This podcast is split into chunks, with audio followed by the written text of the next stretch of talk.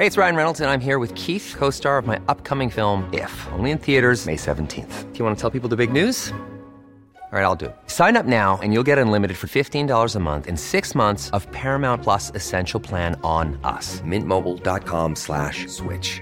Upfront payment of $45 equivalent to $15 per month. Unlimited over 40 gigabytes per month. Face lower speeds. Videos at 480p. Active Mint customers by 531.24 get six months of Paramount Plus Essential Plan. Auto renews after six months. Offer ends May 31st, 2024. Separate Paramount Plus registration required. Terms and conditions apply if rated PG.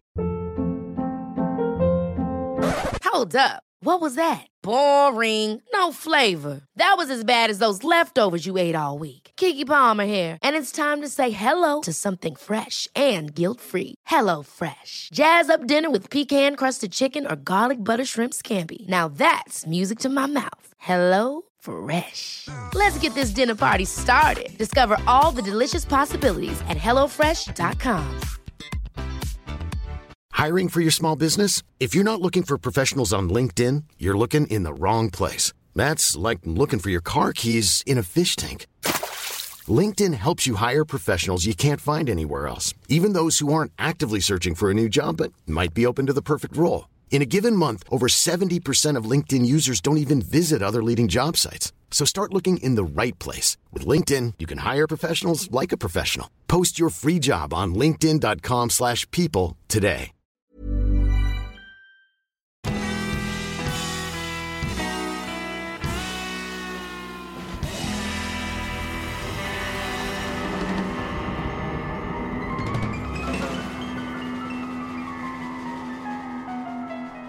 Hej allihopa och välkomna tillbaka till ett nytt avsnitt av Ståpäls Och det är ju som alltid jag, Lukas och Ida.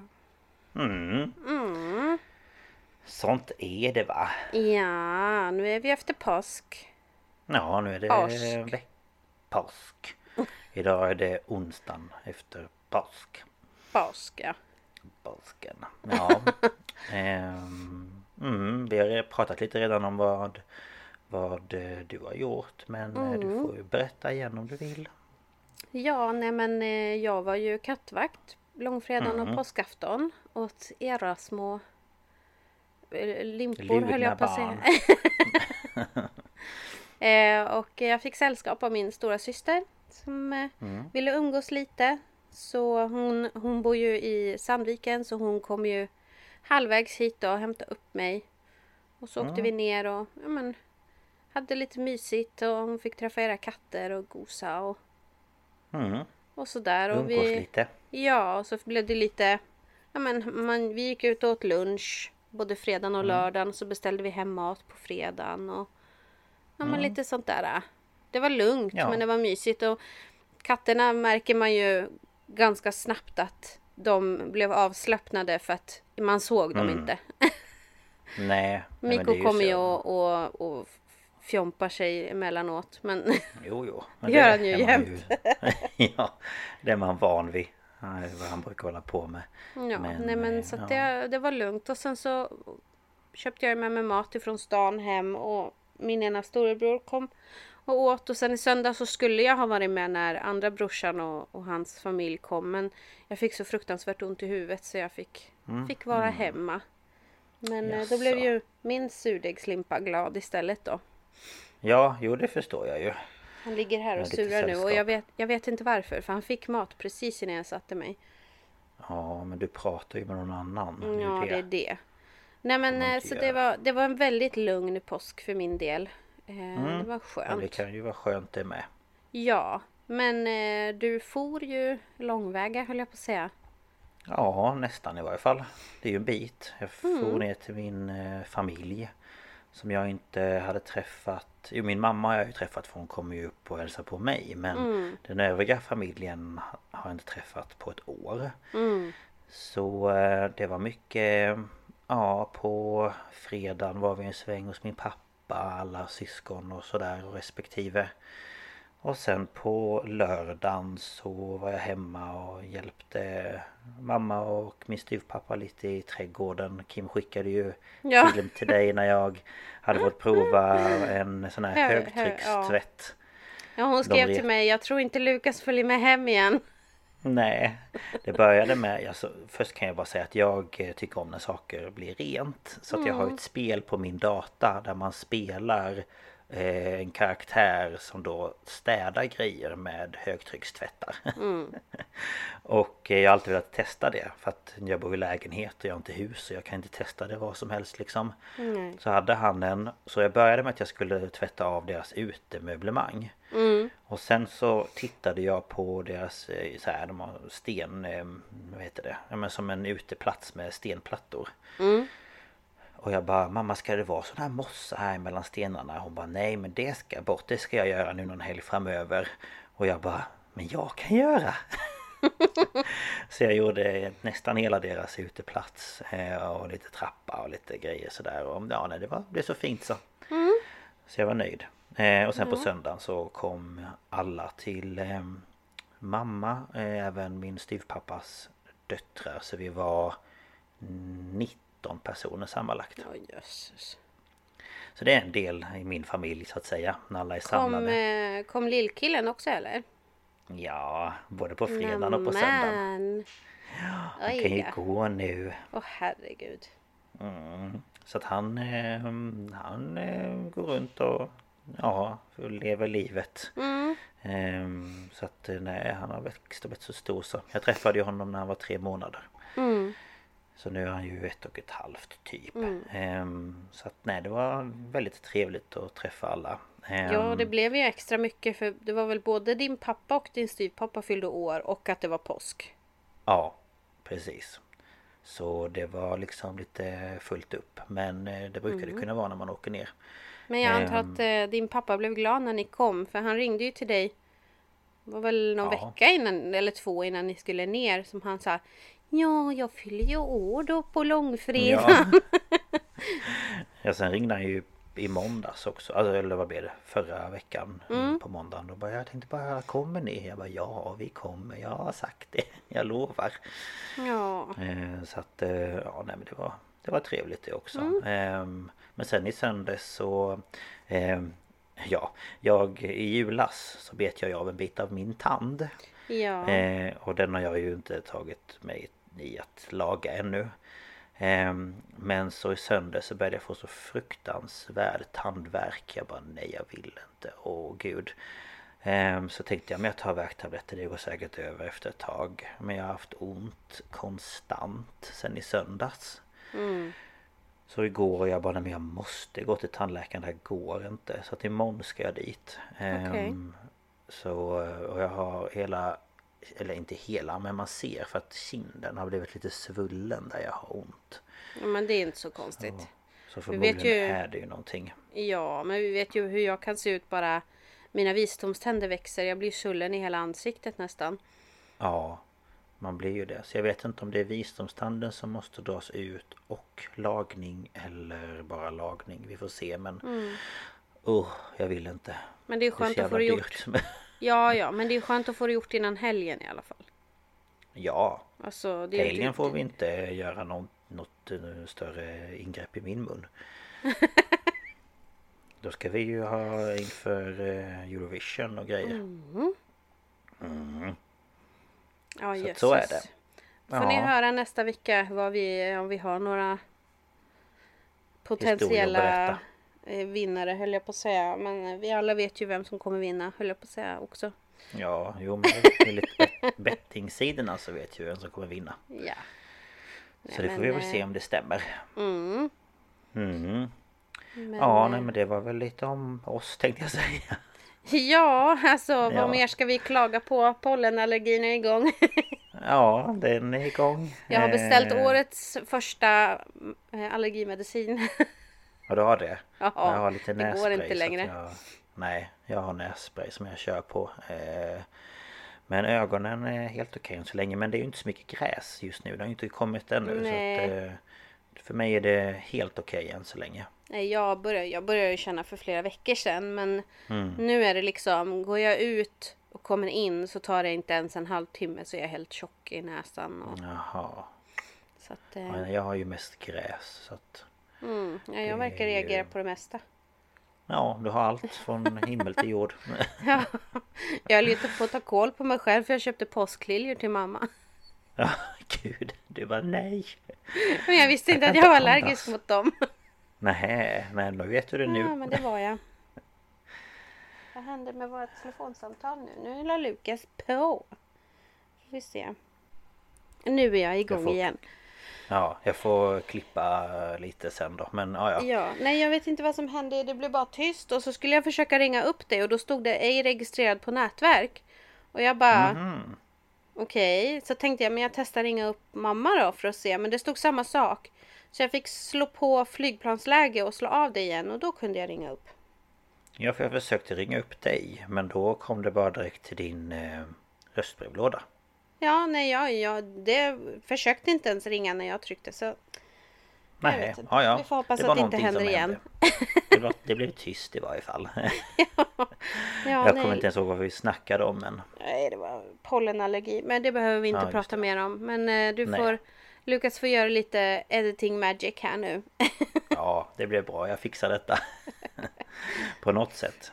ja. Men eh, ja, jag är ju dock... Eh, jag vet ju typ inte alls vad du ska ta idag. Eller prata om. Eller någonting tänkte jag säga. Nej, det enda du har på, på listan är väl eh, liksom ämnet. Hemsök. Men inte... Någonting. Ja, precis. En hemsögande plats och... Yeah. Det Yeah. kan man vara i. Ja, det kan man. Yeah. Om man vill. Ja. ja. Nej men eh, jag är intresserad av detta. Och eh, jag vet inte. Ska vi bara hoppa in i det eller? Ja, men jag tycker det.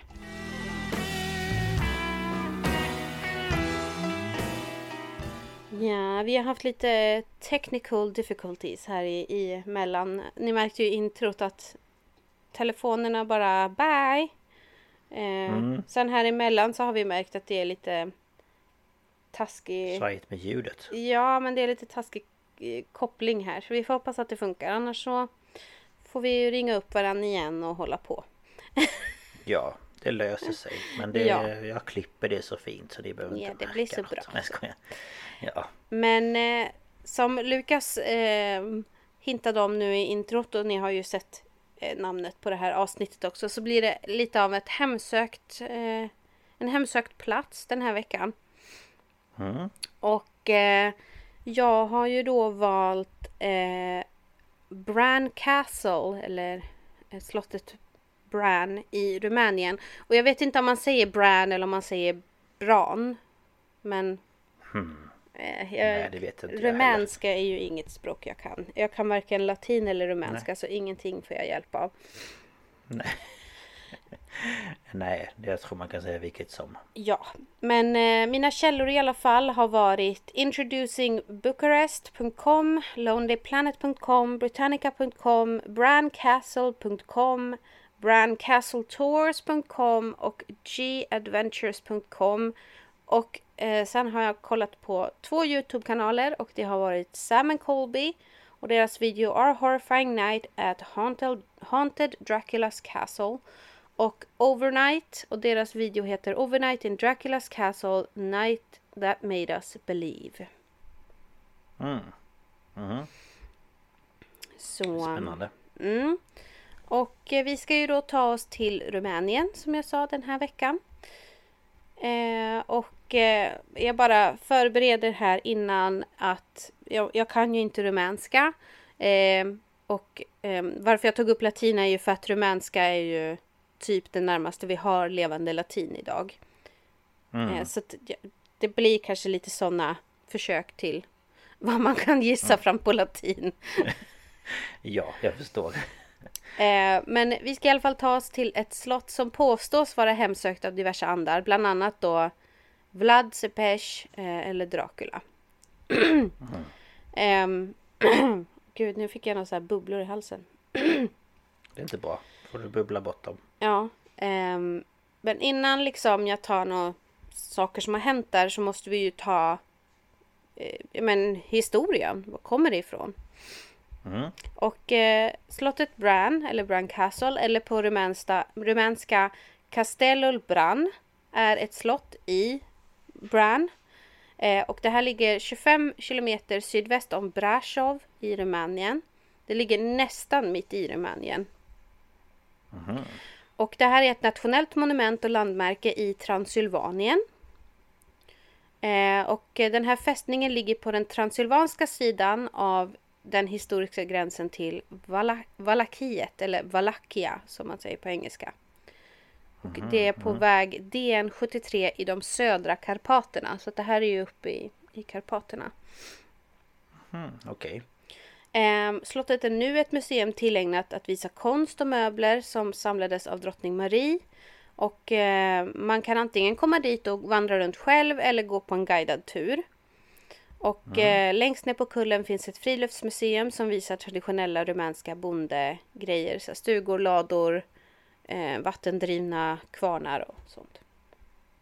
Som liksom då är från den här regionen. Och slottet ligger på 760 meters höjd över vattnet eh, på en mark på 8,9 hektar. Slottet har 57 rum, ett tortyrmuseum och det besöks av ungefär en halv miljon människor per år. Mm, kan tänka mig det. Mhm. Men Det det är är nu... ju ändå ganska spännande tänker jag. Eller jag ja, tycker det. ja, alltså... Bara liksom... tortyrredskap och grejer. Ja, och alltså bara det här eh, Transylvanien och sånt är ju liksom väldigt lockande för många. Mm. Ja, gud ja. Men eh, nu ska vi hoppa tillbaka till år 1212. Då byggde den tyska orden träslottet Dietrichstein som en befäst position i Burzenland vid ingången till ett bergspass. Där handlade, alltså vad säger man, handelsmän hade rest. De hade liksom använt den där som en passage i mer än ett årtusende. Men det här träslottet förstördes av mo- mongolerna 1242. Eh, och det här ursprungliga namnet då, Dietrich, Dietrichstein eller Lapis Theodorici på latin betyder Didrich, Didriks sten. Och man tror då att den här Didrik var den som lät bygga slottet. Okej. För man har hittat dokument från 1500-talet som bekräftar att det här området en gång hade tillhört en befälhavare Dietrich, Di- Didrik, kanske man säger på svenska, av den här tyska orden. Eh, det första omnämnandet av slottet Bran, som liksom är det här slottet, Ehm, är en handling som utfärdades av Ludvig den första av Ungern den 19 november 1377 som ger saxarna i Kronstadt, då moderna Brasov, som är en, den närmsta största staden. Där ger de privilegier, privilegiet att bygga ett stenslott. Men de fick bekosta det själv och fixa arbetskraft själv. Men de fick liksom tillstånd att bygga där. Och eh, till följd av det här att folk flyttar dit och grejer så byggs ju samhället Bran upp. Mm. Såklart. och eh, det här stenslottet står klart eh, 1388. Så den okej. byggnaden som står idag, eh, liksom, det byggdes 1388. Sen har det ju byggts på och byggts ut och så. Men Mm. Men grunden. ja. Eh, det är ju ganska länge sedan. Det är väldigt länge sedan och det reagerar ju de Mm. här två Youtube-kanalerna på för de är ju från USA. Så att, ehm, Mm. ja. De bara, För "Åh, dem är ju det här otroligt gammalt och det är gammalt men vi har ju liksom kyrkor som är 200-300 år äldre än så. sedan." Ja, Så att- precis. Men, men det är ändå, det är länge sedan. Mm. Eh, och eh, även om många av den här tidens slott tillhörde adeln så har man kunnat konstatera att eh, Bran eh, byggdes inte för adeln. Det byggdes nästan uteslutande för befästning och skydd av tyska kolo- eh, kolonier och folk som bodde i kolonierna i Transylvanien då. Eh, och man tror att slottet under en kort tid hölls av prins Mircea, eller hur man nu, Mircea, den äldre av Valakiet. Han, han levde ju på sena 1800-talet, äh, ah, va nu? Sena 1300-talet, början 1400. Ja, okej. För att då eh, Sigismund av Ungern i början på 1400-talet överlämnade slottet till honom. Ehm, och för att han då skulle etablera en slags tullstation då för handlarna som skulle komma förbi. Mm. Eh, och år 1441 så besegrade Janos Hunyadi eh, han, eh, det var en vojvod, alltså någon slags guvernör i Transylvanien. Han besegrade en ottomansk armé vid slottet och det var ju väldigt stort. Han blev väl, en väldigt stor hjälte liksom. Mm. Och sen 1498 så köper de transylvanska saxarna Brasov i Brasov slottet av kung Vladislas den andra av Böhmen och Ungern. Mm. Okay. Mycket fram och tillbaka här. Och den här, ja. um, de här eh, fortsatte ha slottet. Eh, även efter den osmanske sultanen Suleiman. Eh, han eh, erövrade Ungern på 1500-talet, 1541 menar jag. Eh, och eh, även genom det här så lyckades man behålla det här slottet. Mm -hmm. Och eh, nu ska vi se vart vi är någonstans. Under, nu hoppar vi fram till 1620-talet. Då ehm, var det en transylvansk prins som hette Bethlen som gjorde ganska omfattande modifieringar och sådär. Hon gjorde nya befästningar och, och så på slottet. Så att då mm. byggde man om och la till och liksom, ja så. Och då var ju okay. slottet redan 300 år nästan. Ja. Det är eh, 1687 fick eh, huset, alltså adelshuset då Habsburg kontroll över den här regionen. Men slottet förblev i transylvanska händer Eh, och det kan man bekräfta i ett eh, av Diploma Leopoldinum som var ett dekret som utfärdades 1690. Så att det, det vet man säkert. Mm, eh, okay. Och vid något tillfälle så tillhör Brand de ungerska kungarna. Eh, men på grund av att kung Vladislas misslyckades med att betala tillbaka lån så tog slottet ifrån honom då som någon sån här eh, ja men det, han hade väl nästan det i pant. Ja men precis. Ja. Eh, så att han förlorade eh, slottet 1533. Det kanske mm. jag skulle ha mhm. sagt innan det här med eh, modifieringarna. Men mm. Och slottet har spelat en väldigt stor roll eh, militärstrategiskt fram till mitten av 1700-talet. Så att eh, det, det är liksom läget här. Det ligger liksom i ett ett sånt bra läge så att man ser ut över den här äh, vandringsleden eller handelsleden och allt sånt där. Mm. Det är väl bra uppsikt över markerna liksom. Precis. Eh, mm. Men nu ska vi hoppa fram till eh, 1920 för i och med Trianonfördraget så förlorar Ungern Transylvanien och slottet blev en kunglig residens inom kungariket Rumänien. Och Trianonfördraget är en konsekvens av första världskriget.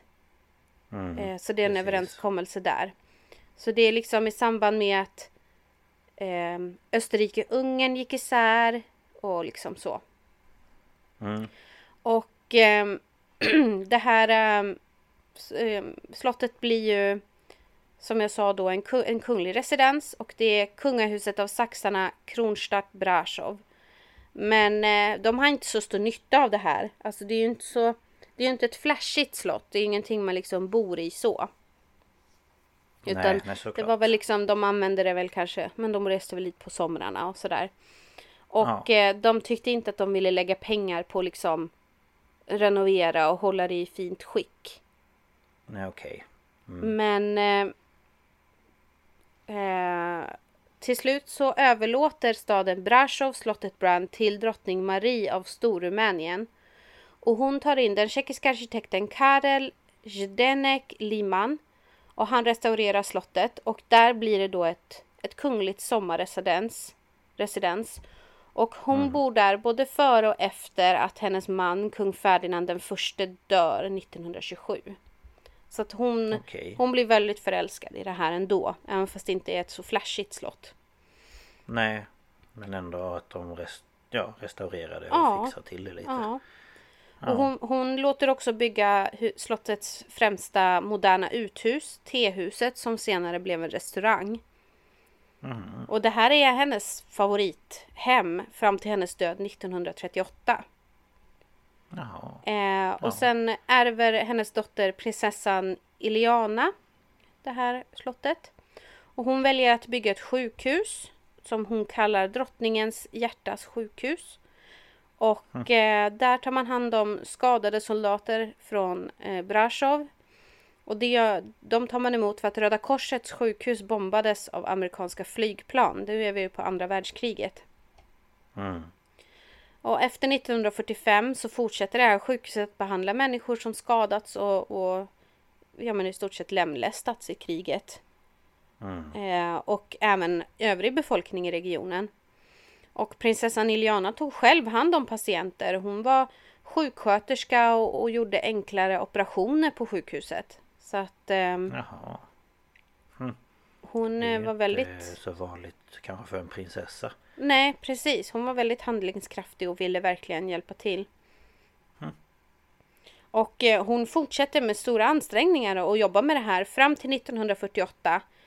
För då ockuperas eh, slottet av kommunistregimen. Och då utvisas också kungafamiljen. Och eh, kommunisterna öppnar slottet för allmänheten som ett museum 1956. Och det hade då tre avdelningar. Slottet som innehöll delar av kungligt arv. ehm, eh, och de medeltida sederna, det var liksom en del. Och sen etnografi. Och det inkluderar då traditionella hus i parken nära slottet. Okej, ja. Eh, men eh, 2005 antog den rumänska regeringen en lag som tillåter återbetalningskrav på olagligt exproprierade fastigheter, såsom Bran. Och ett år senare tilldelades ägandet av slottet till amerikanen Dominic von Habsburg. Och han är då son och arvtagare till prinsessan Iliana som avled 1991. Så det är hennes son. Så den 18 maj 2006, efter en period av rättsliga förfaranden kan man säga, återlämnas slottet lagligt till arvingarna i familjen Habsburg. Jaha.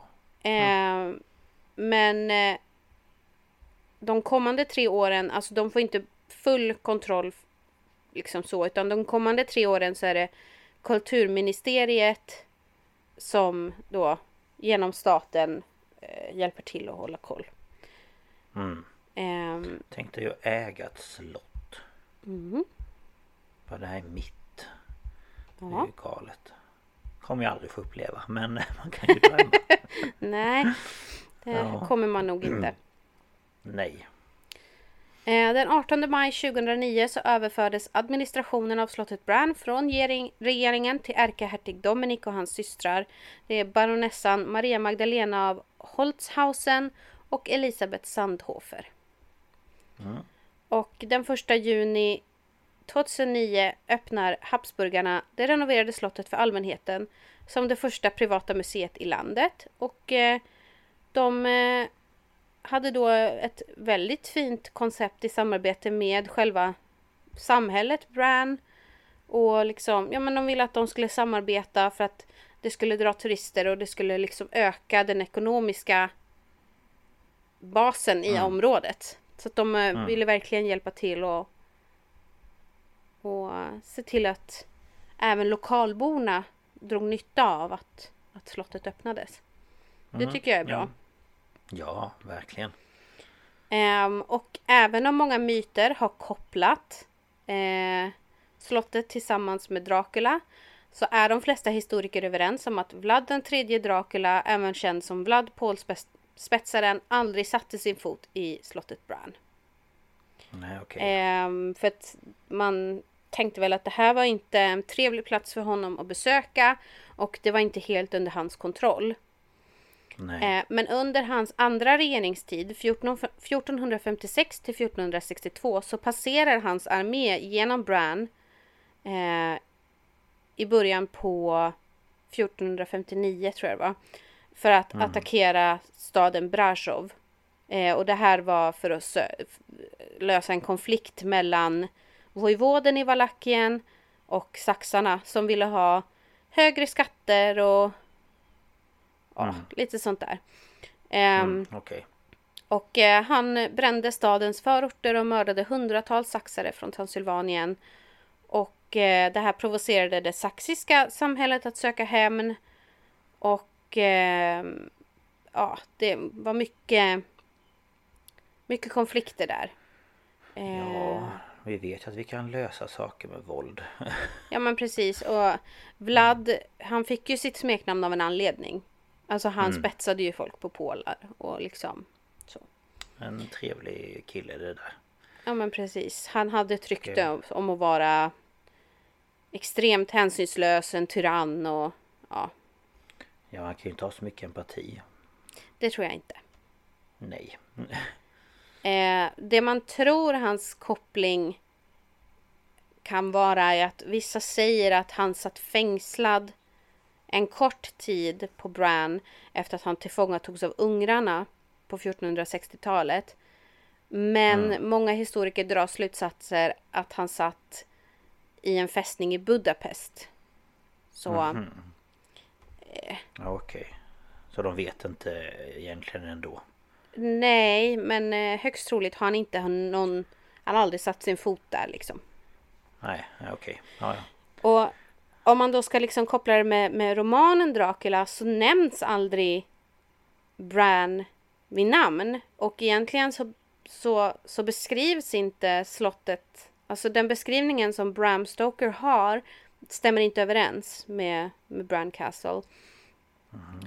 Eh, det påstås att han kom dit och bara oh det här passar jättebra typ. Eh, men många tror också att det är turismdrivet, att man lockar turister. ja. Det kan jag tänka mig. Eh, men, Att det eh, kan vara...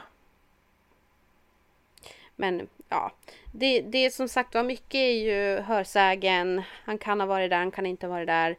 Ehm, Ja, men det är ju alltid det man har fått höra. Alltså att man så här Draculas eh, slott. Eller liksom... Man har ju alltid fått höra att det är där som han har hållit till liksom. Jag vet inte. ja, men det man tror är att Bram Stoker, han... Alltså han har väl forskat, han läste väl mycket om, om eh, Vlad så. Men eh, han, val, han liksom baserar egentligen inte den här myten, hans historier om, om vampyrer på honom mer än att han tar hans namn. Men Han kallades ju för Dracula, det betyder eh, drakens son. Ehm, att han tyckte att det namnet var coolt och att liksom, åh, Transylvanien där han var ifrån är ju en ganska mytisk plats så. Ja, men precis. Men ehm, så egentligen är det ju fel att man kallar det för Draculas slott. Men Jo, ja. det är ju det. Men ja, ja. Men nu tänkte jag att eh, innan jag går vidare så ska vi ta en kort liten paus. Hi, I'm Daniel, founder of Pretty Litter. Did you know cats tend to hide symptoms of sickness and pain? I learned this the hard way after losing my cat, Gingy. So I created Pretty Litter, a health monitoring litter that helps detect early signs of illness by changing colors, saving you money and potentially your cat's life. Pretty Litter is veterinarian developed, and it's the easiest way to keep tabs on your fur baby's health right at home. Go to prettylitter.com and use code ACAST for 20% off your first order and a free cat toy. Terms and conditions apply. See site for details. Hold up. What was that? Boring. No flavor. That was as bad as those leftovers you ate all week. Kiki Palmer here, and it's time to say hello to something fresh and guilt-free. Hello Fresh. Jazz up dinner with pecan-crusted chicken or garlic butter shrimp scampi. Now that's music to my mouth. Hello Fresh. Let's get this dinner party started. Discover all the delicious possibilities at hellofresh.com.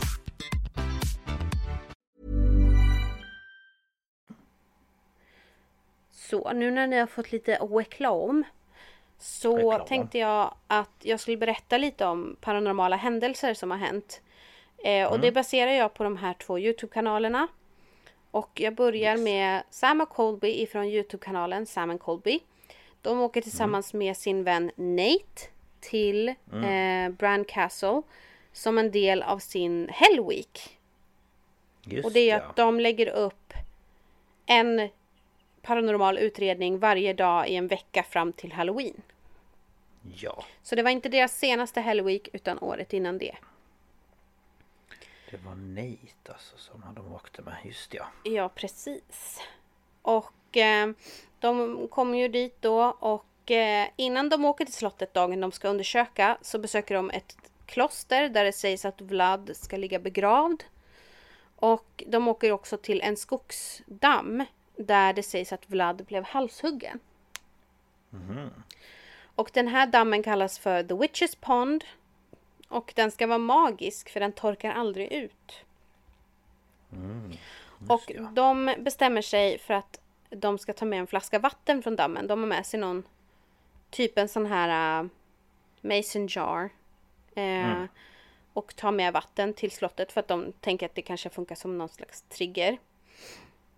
Och, ja, man brukar ju säga att eh, vatten leder ju energier. Ja men och sen de, de är ju övertygade om att det här är Draculas slott och om han blev halshuggen där så tar de med hans vatten. Ja, du förstår så. Ja, ja jag förstår. Eh, Nate han blir lite, han går och bär på den där flaskan och liksom han, han så här. Jag har Vlad med mig och så håller han upp den där flaskan lite så. Nej men gud. ja, Eh, och de får ju en rundvandring av en snubbe där och eh, ja, de får ju visas ju runt och ja men allt sånt där som är basgrej. Och sen så ska de ju då börja undersöka och de, får, de blir ju helt ensamma där under kvällen. Jag vet inte hur många timmar det är de får vara, om det var sex timmar eller vad det var. ja något sånt kanske. Eh, och till en början så får de inte jättemycket kontakt så. Men eh, de placerar sig i det största rummet på slottet. Och där, det är liksom, sitter ihop, eh, det är bara en liten, en liten, liten hall och en dörr in till drottning Maries sovrum. Och sen i det här stora rummet så står ett piano från drottning Maries tid. Eh, och det är där de börjar få lite kontakt. Och eh, de tar ju sin PMB. Och om det är någon som lyssnar som känner LaxTon så vet ni vad en PMB är. Det är alltså eh, den här rörelsesensorn som har en liten speldosa. De eh, har precis köpt en sån då och de eh, sätter igång den och då ska ju den kalibreras. Så den spelar ju lite och sen ska den ju stanna. Men den stannar inte. Nej. Eh, och de är så här, men någonting måste ju vara fel och alla är så här, backa, gå ifrån. Det står ingen framför, det står ingenting framför och de stänger av och på den och den håller på. Till slut så, så blinkar den men eh, speldosan snurrar inte. Så de bara, men är den redan trasig? Vi fattar ingenting, typ så. Nej. Och ehm, de eh, tänker, men de startar om den igen och då är den tyst. Så de ehm, sätter sig på golvet och ställer den här flaskan i mitten. De sätter sig som en liten ring så. Så ställer de den här flaskan med vatten. Och så på den lägger de en sån här EMF-mätare. Och eh, de ställer frågor men de får ingen svar. Och då säger Nate, men de kanske inte förstår oss. Kan vi inte ta Google Translate och översätta? Ja, Så då tar de ju Google Translate och så kan man ju trycka så läser ju Google upp på det språket man har valt. Och då ställer de precis. några frågor på rumänska, typ så här, är du här, vem är du? Och då blinkar det till jättesnabbt på EMFen. Eh, men de får väl inga, inga jättesvar så, men lite, lite grann. Och eh, tiden börjar rinna ut för dem, så nu tänker de nu kör vi Estes-metoden. Och det är ju den här metoden där man har en spiritbox och det är en sån som snabbt söker igenom radiofrekvenser. Eh, för det sägs att andar då kan manipulera det och man kan höra röster. Och så kopplar man det till ett par noise cancelling hörlurar. Och så får man ha ögonbindel på sig. Så man hör inte de frågorna som de runt en ställer utan man blir helt så instängd. Ja, du ser inte och du hör inte. Och eh, Sam börjar och de frågar pratar vi med en strigoi? Och får svaret ja. Och en strigoi är ju då en slags rumänsk vampyr kan man säga. Och Nate han går fram och börjar spela på pianot. Och då säger Colby, för han upprepar ju bara det han hör i spiritboxen och han säger Play more, play it now. Eh, Och Colby han fortsätter att ställa massa frågor och då säger den silence. Och han bara, åh förlåt då. och sen säger den lights out. Så då släcker de alla lamporna. Och sen mellanåt så säger Sam så här, ja det var ett rumänskt ord men jag hann inte med. Nej. Så. Ehm, och de försöker ju få kontakt om mera svar och så men det blir inte så mycket mer så då byter de. Så då får Colby sätta sig. Och när han har satt sig så bestämmer sig Sam och Nate för att de ska öppna den här flaskan med vatten. Och de frågar liksom, ah, är det okej att vi öppnar flaskan? Och så sitter Nate och håller i den. Och då säger Colby, jag, skynda. Och då blir Nate så här, oh my god det är Vlad, jag sa ju att han är i flaskan. och de, han blir alldeles skakig, alltså du skulle se han bara skakar. Jaså. Och de bestämmer sig för att hälla lite vatten i korken. Och då säger Colby, det är jag. Och de börjar fråga liksom så här, ja men vem är du? Och det får de fram att det här är någon osalig ande som är fast på en ond plats och vill ha hjälp. Och när de ber om ett namn så säger Colby ledare, krig och ond. Och när de frågar om vattnet de har med sig så säger den att vattnet är förbannat. Eh, och nu känner de att nu måste vi byta för det är bara typ en kvart kvar. Så då får Nate sätta sig och han hinner knappt ens liksom ta på sig förrän det liksom kommer så här ut, gå. Eh, och de börjar höra ljud från en dörr som leder liksom ut utomhus. Och liksom så här, det låter som att någon rör sig. Och Colby han tar lite av det här vattnet och liksom börjar stänka det på golvet. Och då säger Nate mer, titta, död. Och han säger de här orden flera gånger. Och då börjar de ju stänka mer vatten. Eh, och liksom så. Och eh, sen liksom mot slutet så blir det lite kaos och det avbryts ganska fort. För att det är en dörr som slår igen. Antagligen blir det något vinddrag. Och sen går liksom deras både PMB och REM-podden. Det börjar bara bli så här. Allting går igång. Och Nate skriker ut flera gånger. Och då blir de så här. Okej, okej, vi går, vi går. Ja, ja. Panika.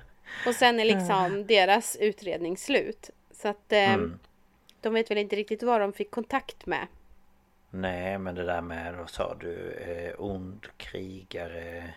Ledare, krig, ond. Ja det, det låter ju... Alltså om man tänker bara rent så så låter det ju som honom. Ja, men samtidigt det verkar ju vara en region där det har varit mycket strider. Ja det är det jag tänker att- också. Det kan ju lika gärna vara vilken ledare som helst. Men om man Precis. Mm. bara får de orden och man tänker att man, det är han man har kontakt med så kan man ju koppla det till honom. Så att Ja. ja. Nej, och, och du vet ju, du har, du, du har ju sett mycket Sam Colby att när det börjar hända mycket, de blir ju så till sig och så skriker de och liksom Ja, ja. och så, så. De blir ju ja, lite hypade ibland. Ja, precis. Mm. Men så det var det de liksom var med om där. Mm. Men eh, så tittade jag ju på, den har jag sett tidigare, men jag tittar igen. På när Mm. gänget från Youtube-kanalen Overnight tillsammans med Exploring with Josh kommer till slottet. Mm. Och det här är ju då de som är med i Overnight Elton, Corey, Corbin och så är det Jonah och Evan som är kamerakillar. Mm. Och så är det Josh då. Ja. Och de kommer till slottet, får sin rundtur och de har redan varit på Corvin Castle i Rumänien. Eh, Så att deras eh, historiker som de har med sig, de känner henne sedan tidigare så de skojar. Du vet ju hur de är, de är också lite Ja, flamsiga. ja, de skojar ju och har massa teaterframställanden och Ja, jösses, alltså. grejer. Ehm, men eh, de har sin rundtur och pratar med henne och allt sånt där. Och sen så när det börjar mörkna liksom så ska de ju börja och de säger så här, men vi delar upp oss i två grupper för att vi ska kunna hinna med så mycket som möjligt. Och de börjar ju plocka på sig olika instrument. De placerar ut en sån här äh, de säger ju catball, men det är en sån här äh, kattleksak som när man slår på den så börjar den blinka. Mm. Den använder ju de jättemycket och de har lagt någon sån på backen. Och sen har de sin, du vet den här, äh, deras REM-podd som låter så fruktansvärt mycket. Ja, just det, Den ja. träasken. Den har de och den är ny då. Aha, okej. Så den har de och alltså de hinner knappt ens börja plocka fram grejer. Så börjar det, alltså den här kattbollen börjar blinka och precis när Evan ska stänga av sin kamera för han ska slå på night vision eller vad det är. Då sätter den här REM-podden igång. Och den har, all, den har aldrig funkat förut. De har haft den på ett par utredningar men den har inte funkat. Och det är alltid när han stänger av kameran liksom som saker händer. Ja, det Eh, är och lite de- konstigt. De börjar ju ställa lite enkla frågor och få liksom reaktioner och så. Men så bestämmer de sig för att dela upp sig. Och Elton och Josh går själva mot det stora rummet. Och Corben, Corey och Evan går till tortyrmuseet. Och sen Jonah, den sista killen, han går själv för han ska ju filma sån här B-roll. Alltså sån här klipp. Så Elton och Josh kommer mot dörren till eh, det stora rummet och där inne har de placerat PMBn, den här eh, speldosan. Ja, precis. Och eh, de kommer liksom, det är nästan som en sån här eh, loftgång till, det här, eh, till den här ytterdörren. Och man hör, det låter typ som att någon stampar omkring där inne och den där spelar. Jaha.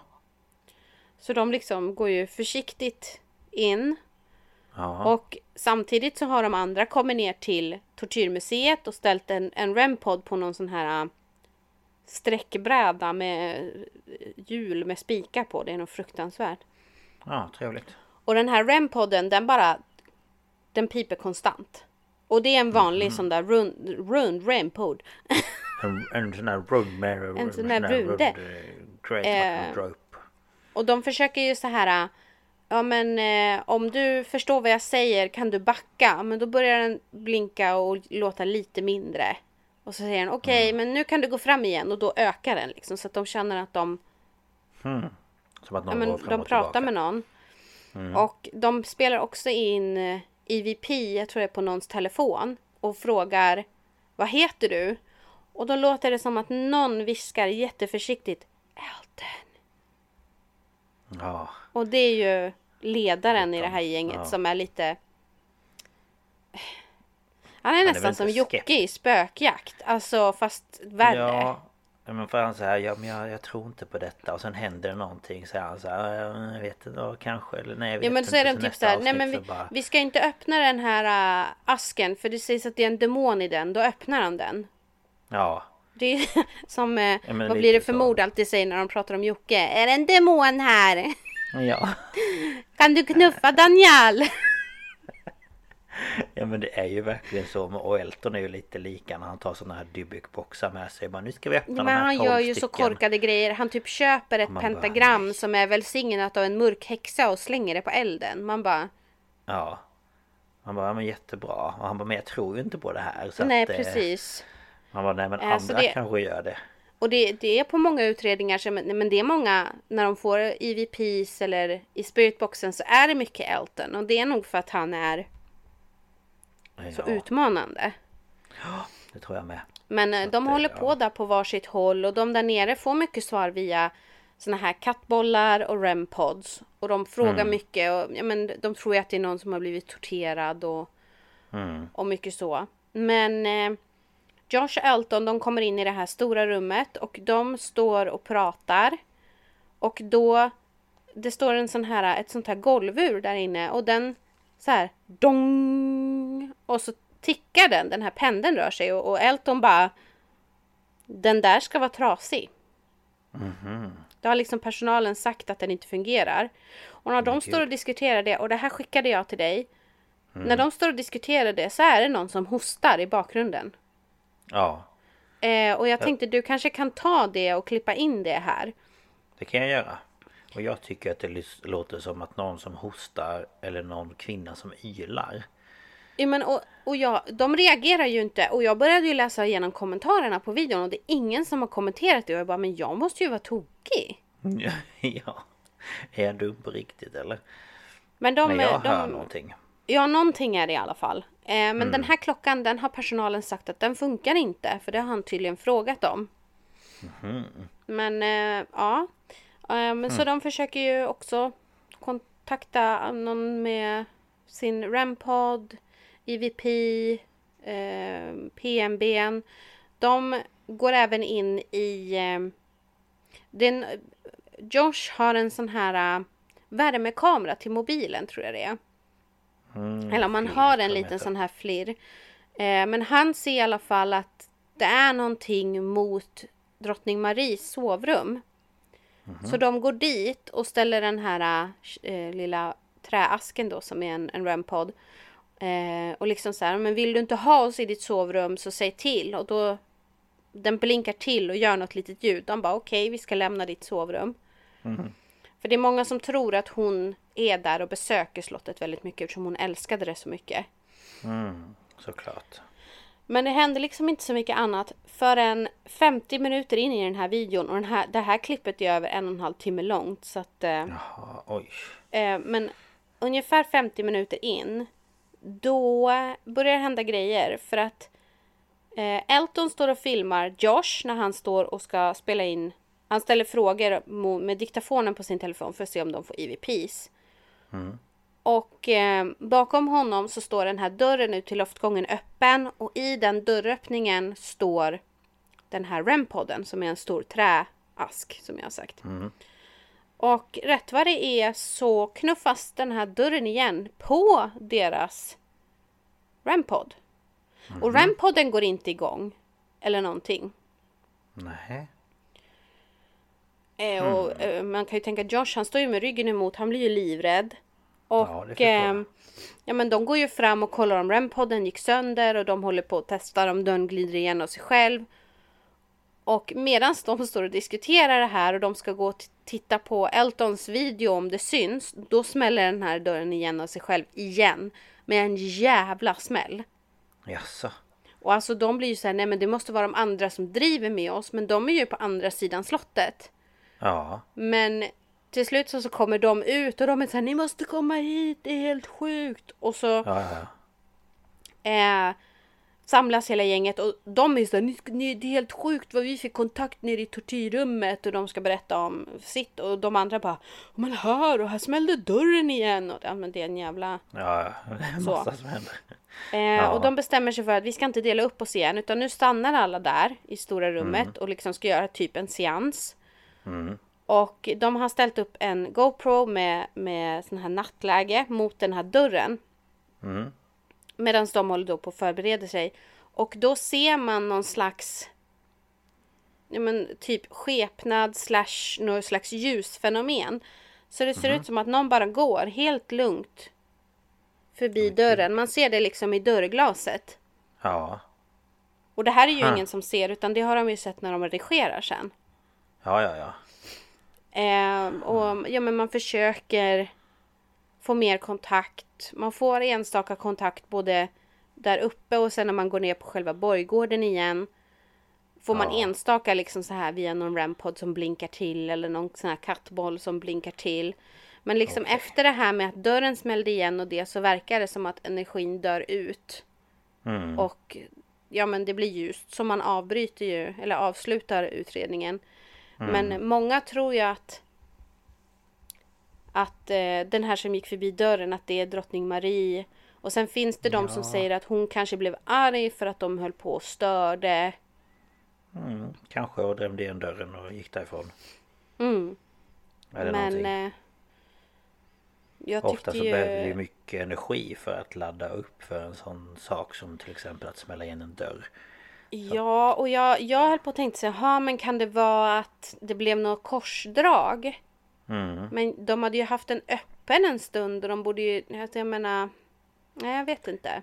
Ja, nej jag vet inte heller. För jag tänker att ofta så brukar ju ett korsdrag, ja, jag vet inte, det kanske kan komma efter en stund också. Men just att det smäller igen två gånger med så kort mellanrum.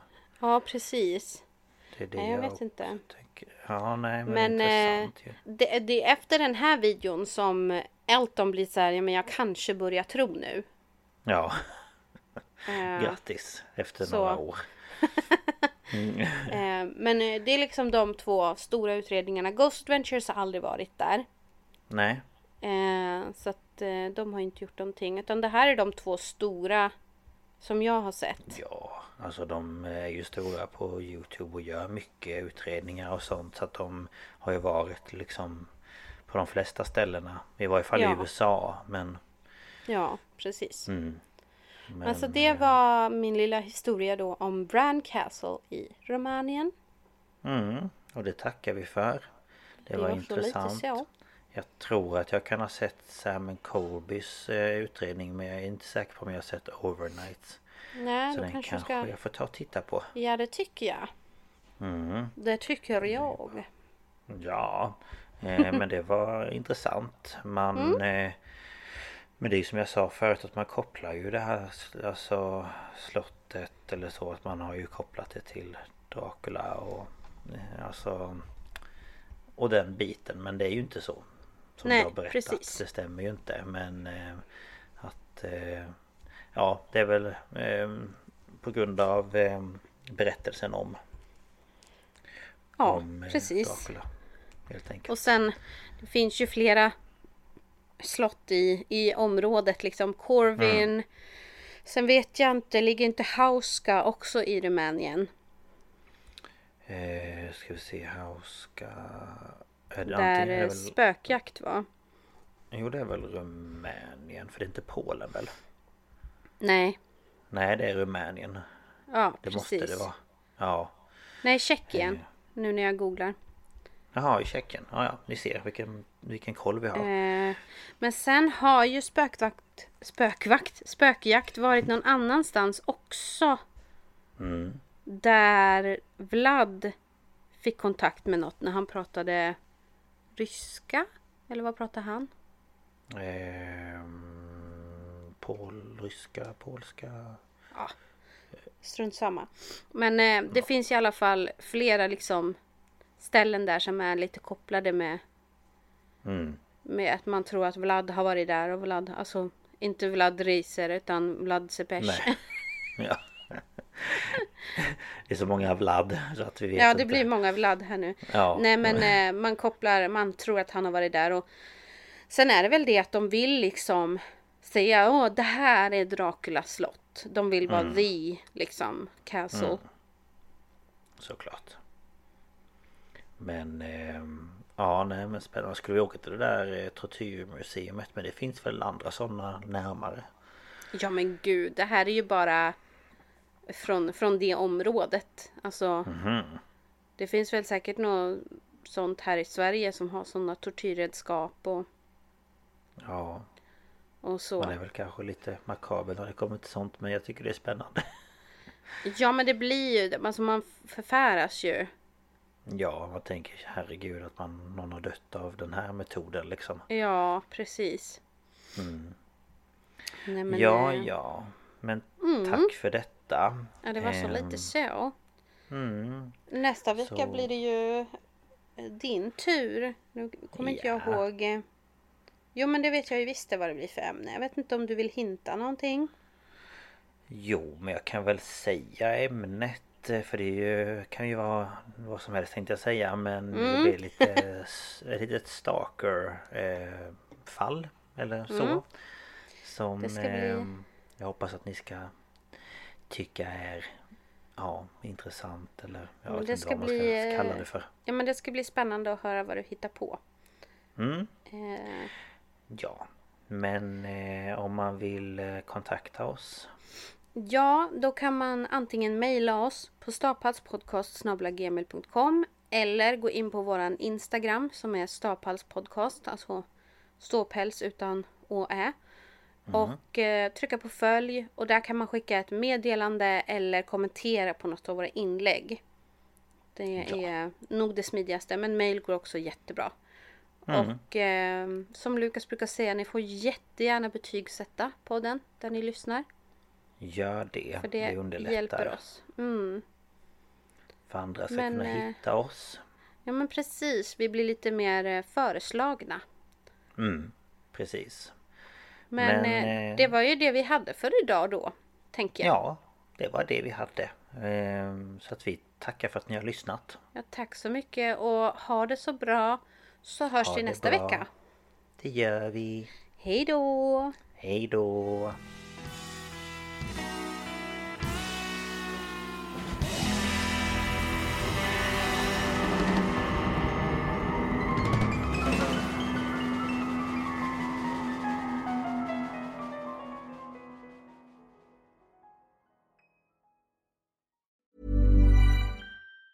Even on a budget, quality is non-negotiable. That's why Quince is the place to score high-end essentials at 50 to 80% less than similar brands. Get your hands on buttery soft cashmere sweaters from just 60 bucks, Italian leather jackets, and so much more. And the best part about Quince, they exclusively partner with factories committed to safe, ethical, and responsible manufacturing. Elevate your style without the elevated price tag with Quince. Go to quince.com slash upgrade for free shipping and 365-day returns. Hold up. What was that? Boring. No flavor. That was as bad as those leftovers you ate all week. Kiki Palmer here, and it's time to say hello to something fresh and guilt-free. Hello Fresh. Jazz up dinner with pecan-crusted chicken or garlic butter shrimp scampi. Now that's music to my mouth. Hello Fresh. Let's get this dinner party started. Discover all the delicious possibilities at hellofresh.com. When you make decisions for your company, you look for the no brainers. If you have a lot of mailing to do, stamps.com is the ultimate no brainer. Use the stamps.com mobile app to mail everything you need to keep your business running with up to 89% off USPS and UPS. Make the same no brainer decision as over 1 million other businesses with stamps.com. Use code PROGRAM for a special offer. That's stamps.com code PROGRAM.